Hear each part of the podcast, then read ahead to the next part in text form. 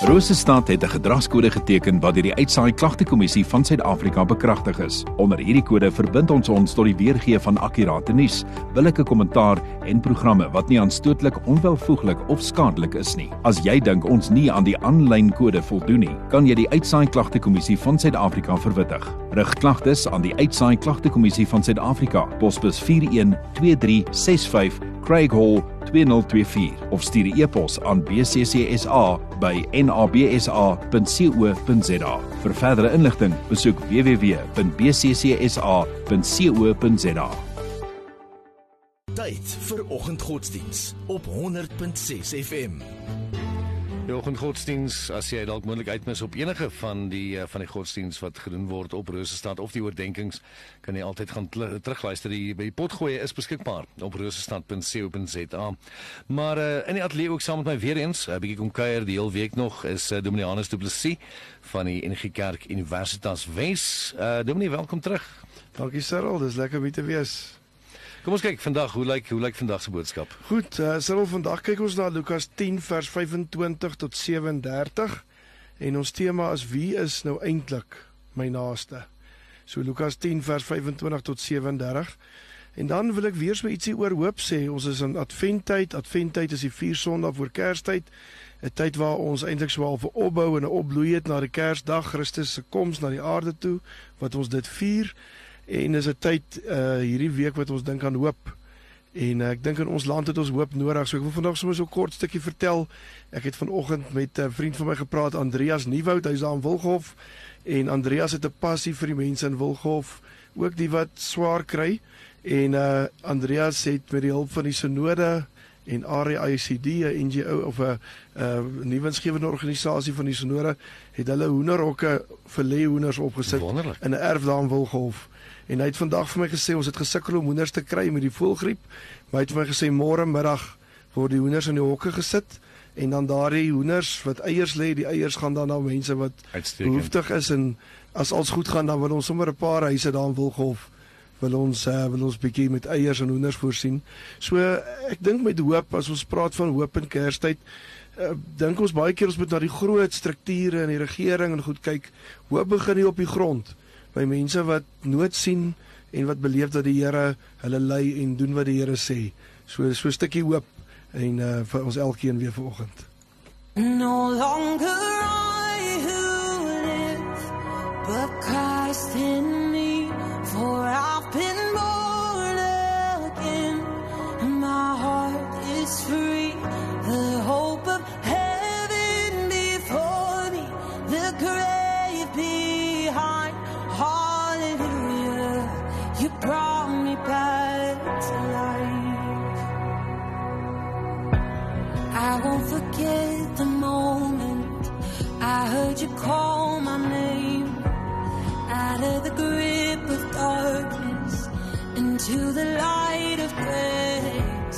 just like Lazarus. Oh, you brought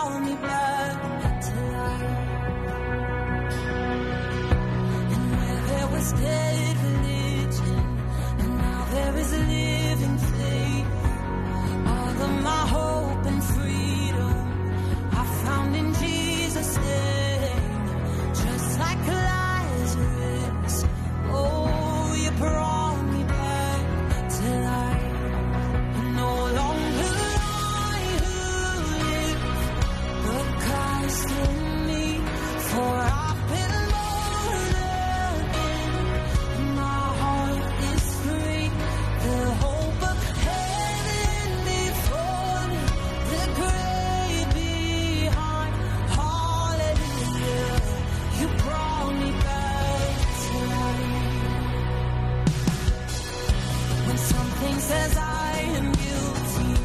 I point to the price you pay. When something says I'm not worthy, I'll point to that.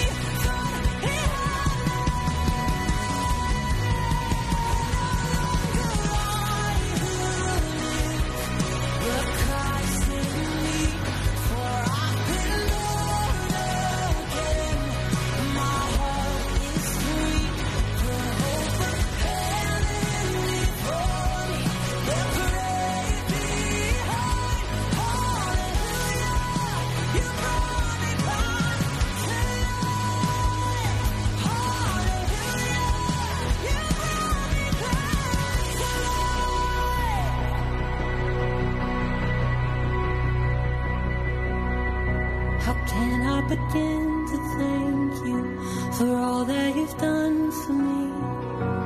Jesus, to fully praise you, it will take all eternity, just like Lazarus.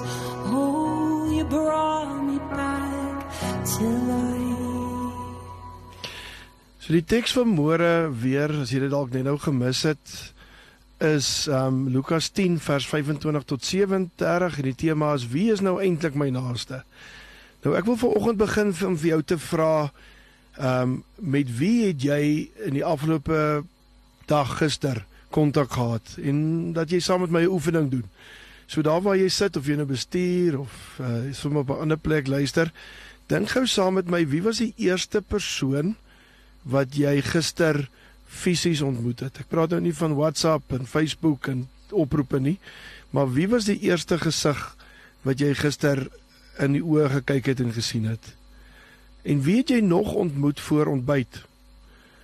Saam met wie het jy ontbyt geëet? Was jy alleen? Was daar iemand saam met jou? Familie of dalk 'n gesin? Of dalk 'n vriend of vriendin of iemand wat dit met jou gedeel het? Na ontbyt. Dink bietjie mooi met wie het jy almal kontak gehad? sien die gesigte, dink bietjie wie was dit? Waar was dit? En dan sommer weer by middagete. Saam met wie was jy? Saam met wie het jy middagete geëet? En uh, wat het jy geëet? Kan jy onthou presies wat was die kos wat jy gistermiddag geëet het as jy geëet het? Namiddag met wie het jy tyd spandeer? Met wie het jy gesels? Wie het jy ontmoet? Met wie het jy 'n sin of twee geruil of gesels en dan aandete? Saam met wie het jy aandete geëet? En na aandete, wie het jy gesien?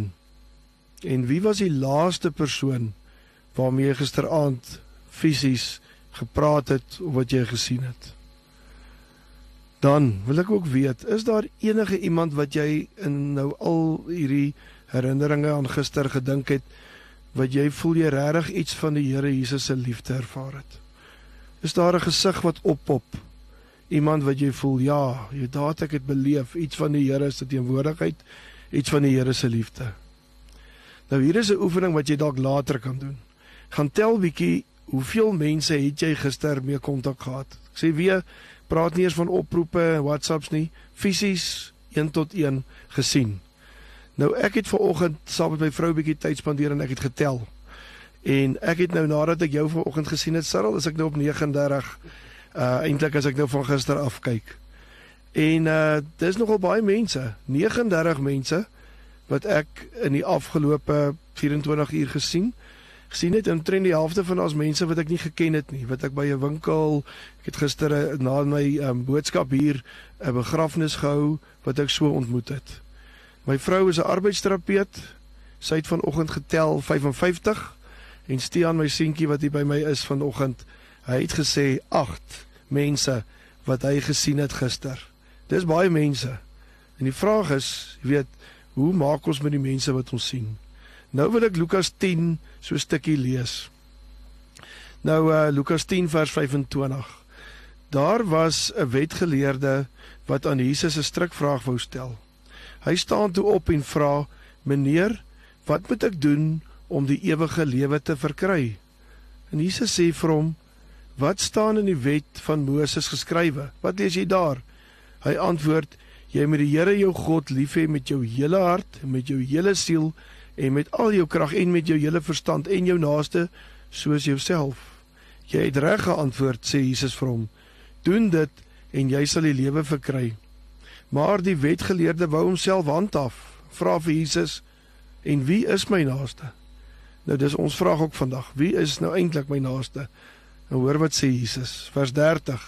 Jesus gaan toe nader daarop in deur te sê: Toe 'n man eenmaal op pad was van Jerusalem af na Jerigo toe, het rowers hom aangeval. Hulle het hom kaal uitgetrek en hom geslaan dat hy half dood bly lê en toe pad gegee. Dit gebeur toe dat daar 'n priester met die daardie pad langs kom en toe hy hom sien, gaan hy ver langs verby. Net so het daar ook 'n leviet by die plek gekom en toe hy hom sien, gaan hy ook ver langs verby. Maar 'n Samaritaan wat op reis was, het op hom afgekom en toe hy hom sien, het hy hom innig jammer gekry. Hy het hom toe uh, hy het na hom toe gegaan, sy wonde met olie en wyn behandel en hulle verbind. Toe het hy hom op sy rydier gehelp en hom na 'n herberg toe geneem en hom daar verder versorg. Die volgende dag haal hy twee muntstukke uit en gee dit aan die eienaar van die herberg en sê: "Sorg vir hom en as jy meer onkoste met hom het, sal ek jou betaal wanneer ek hierlangs terugkom." Wie van hierdie 3 is volgens jou die naaste van hom wat onder die rowers verval het? Die wetgeleerde antwoord: "Die man wat aan hom medelee bewys het." Toe sê Jesus vir hom: "Gaan maak jy ook so." Nou ek het al 'n uh, eh, hele paar keer die gedeelte gelees en en stil geword rondom hierdie gedeelte. En ek dink baie kere was dit vir my so half asof die Here Jesus sê: "Man, as jy jou naaste soek, soek jou ergste vyand en gaan wees goed vir hom of haar, vir jy dit ook al mag wees." Maar deesdae sien ek iets anders in hierdie gedeelte. Want ek dink nie Jesus wil net sê jy moet jou vyand lief hê nie, dit sê hy ook en dis nie baie maklik nie. Maar ek dink die punt van die gelykenis is ook dat die Here Jesus probeer sê wanneer ons dink oor wie ons naaste is, dan moet ons eintlik dink oor wie is die mense wat my pad kruis. Met ander woorde, onthou jy daai gesigte van gister? Dit is jou naaste. En as dit jou vyand is, dan word jy nog steeds geroep om daardie persoon te gaan help. Nou vir my is daar 'n stukkie verligting in. Ek hoef nou nie my hoërskoolvyande en die kinders wat my geboelie het gaan soek op my foon en Facebook gaan soek en gaan bel en sê hoor jy ek wil net vir jou sê ek is so jou so lief nie. Ehm um, dis in elk geval aangeplak en onnodig. Maar wanneer ek vandag van hier af uitstap en ek weer 'n klompie mense gaan ontmoet en in die oë kyk, dan is dit die mense wat die Here op my pad stuur. Dit is die mense wat die Here wil hê iets in my optrede, in my lewe, in dit wat ek sê en wat ek doen, my lyfstaal en en die manier wat ek hulle hanteer. Dit is die mense wat die Here wil hê iets van sy liefde moet verstaan. So miskien kan ek nou die vraag vra. As jy dink aan gister en al die mense wat jou ontmoet het, as ek daai vraag vir hulle sou vra, wie van hulle sal jou naam op hulle lippe hê? Wie van hulle sal sê jy was die een wat gister iets van Christus se genade, God se liefde aan hulle oorgedra het. Nou as ek so daaraan dink, dan voel dit vir my ek moet eintlik in die oggende stil word. Soos vanoggend en vir die Here sê Here, wie ook al U vandag op my pad stuur, help my om regtig iets van U liefde, van U beeld, van U teenwoordigheid uit te straal. En as dit my groot vyand is, soveel te meer. Kom ons bid saam. Here Jesus, U weet hoe moeilik dit is om die mense wat ek elke dag ontmoet, uh met 'n liefdevolle, barmhartige, omgee manier te begroet. Maar Here, ek weet ook ek kan dit nie op my eie doen nie. Dis U Gees en U leiding wat my help om met 'n fyn sensitiwiteit verander deur hierdie lewe te gaan. Here, en ek wil nooit vergeet dat toe iemand U probeer vasvra het oor wat nou eintlik belangrik is, U juis gesê het dat ons ek my naaste moet lief hê soos myself nie. Help elkeen wat uh, sukkel daarmee, help vir my wat daarmee sukkel om elke oggend voordat ek uitgaan en ander ontmoet myself deur die krag van die Gees so in te stel dat ek 'n getuie is in die manier wat ek kyk en die manier wat ek praat, sommer net in die manier wat ek is, myself is, sodat ander iets van die liefde en die omgee kan beleef. Bid dit in U naam alleen. Amen.